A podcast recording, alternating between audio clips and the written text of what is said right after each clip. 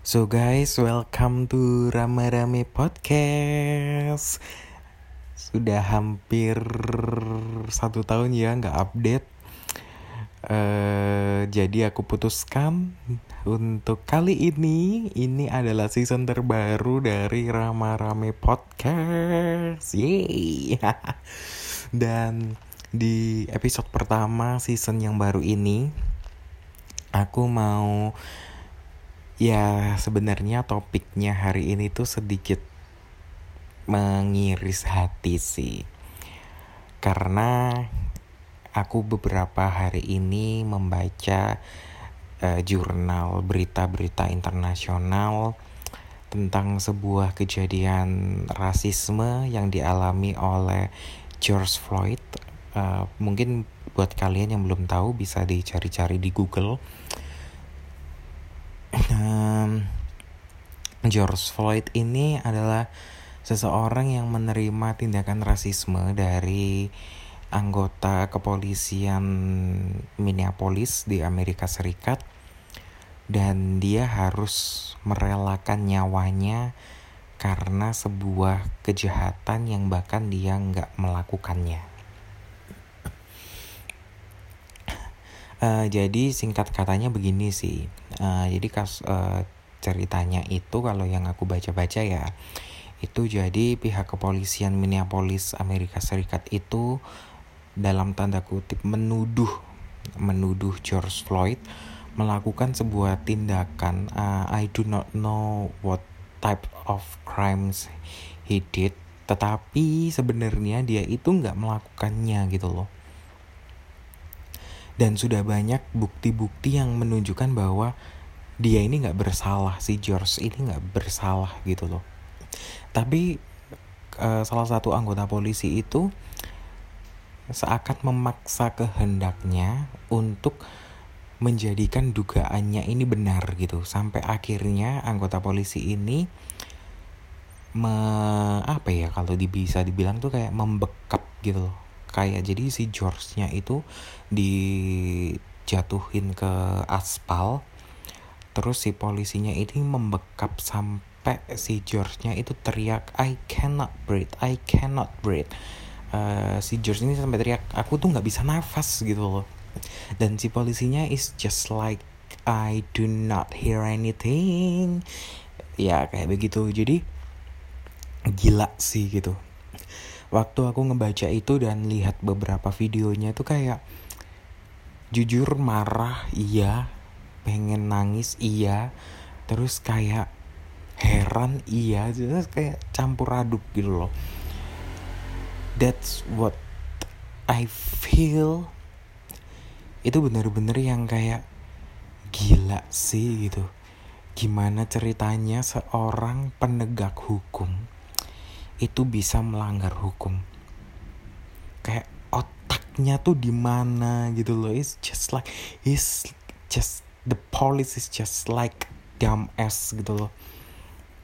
Bener-bener yang kayak ya ampun dia ini melakukan ini tuh sebenarnya uh, alasannya tuh apa gitu loh Wong sudah jelas-jelas si George ini tidak melakukan kesalahan-kesalahan itu. Dibiarin ya udah kan gitu loh udah kelar gitu loh. Is it just because he's black gitu loh? Apakah ini cuma karena dia berkulit hitam?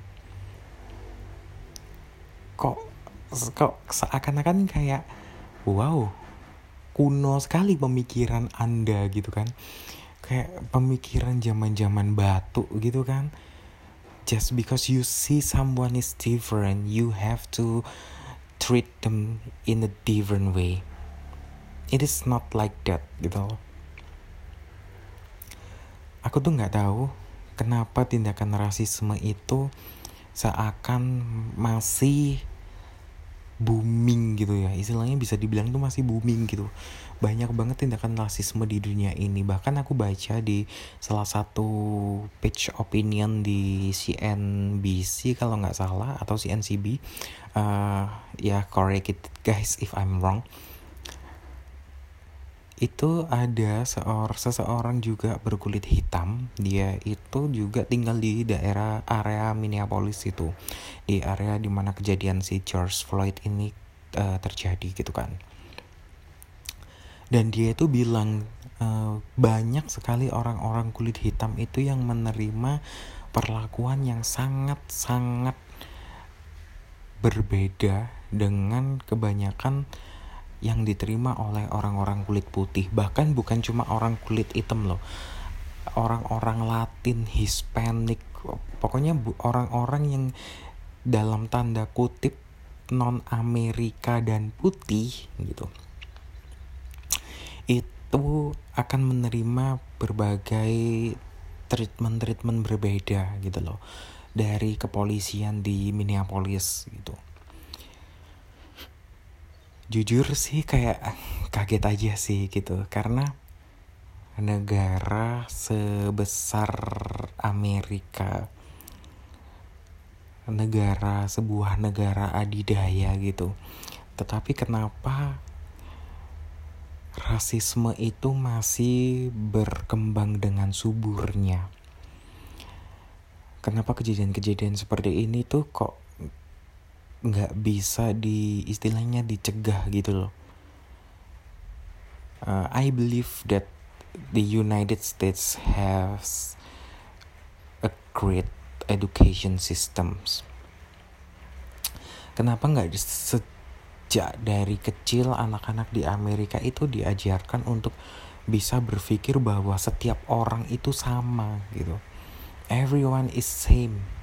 No matter you are black, gay, straight, Christian, Hinduism, Muslim, Buddhist, or even atheist.